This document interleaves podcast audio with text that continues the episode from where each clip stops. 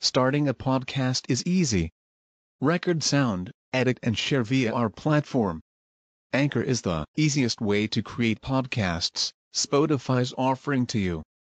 Distribute your podcasts to the most popular listening platforms, including Spotify, Apple Podcasts, Google Podcasts, and more, with just one tap. Download the free app to start your podcast with the versatile platform from Anchor.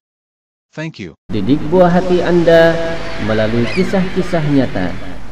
Dengarkan dengan baik kisah ke-18 dengan judul Sepotong batang kurma yang menangis. Wahai anak-anakku sekalian yang dirahmati Allah Subhanahu wa taala. Pada zaman Rasulullah sallallahu alaihi wasallam ada sepotong batang kurma Rasulullah Sallallahu Alaihi Wasallam selalu berada di sisinya ketika khutbah, yakni pada tiap Jumat. Pada suatu hari, datanglah seorang wanita Ansar.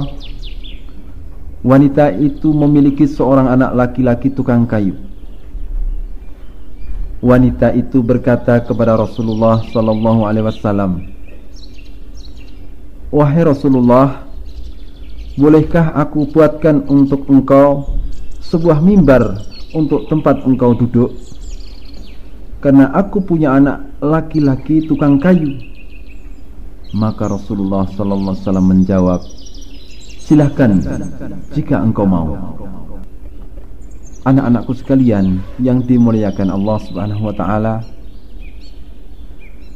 maka ketika itu dibuatlah sebuah mimbar untuk Rasulullah sallallahu alaihi wasallam. Tepatnya pada hari Jumat Rasulullah sallallahu alaihi wasallam duduk di atas mimbar itu untuk berkhutbah. Namun tiba-tiba menjerilah sepotong batang kurma yang dahulu beliau biasa berkhutbah, yakni di sisinya. Hingga hampir-hampir kayu tersebut terbelah. Kemudian Rasulullah sallallahu alaihi turun dari mimbar lalu memegang serta mendekapnya.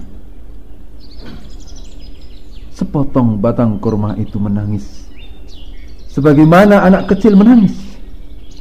Maka Rasulullah sallallahu alaihi terus mendekapnya sampai akhirnya dia berhenti dan tenang.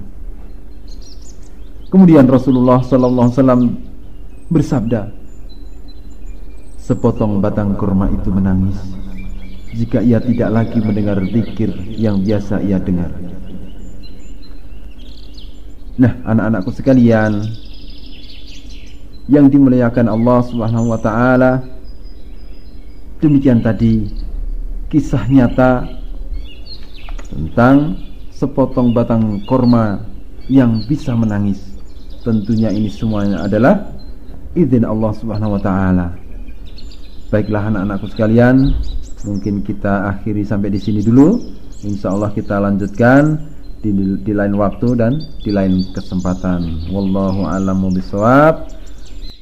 Sumber bacaan Sahih Al-Bukhari bab An-Najjar nomor 2095 dari hadis Jabir bin Abdullah radhiyallahu taala anhu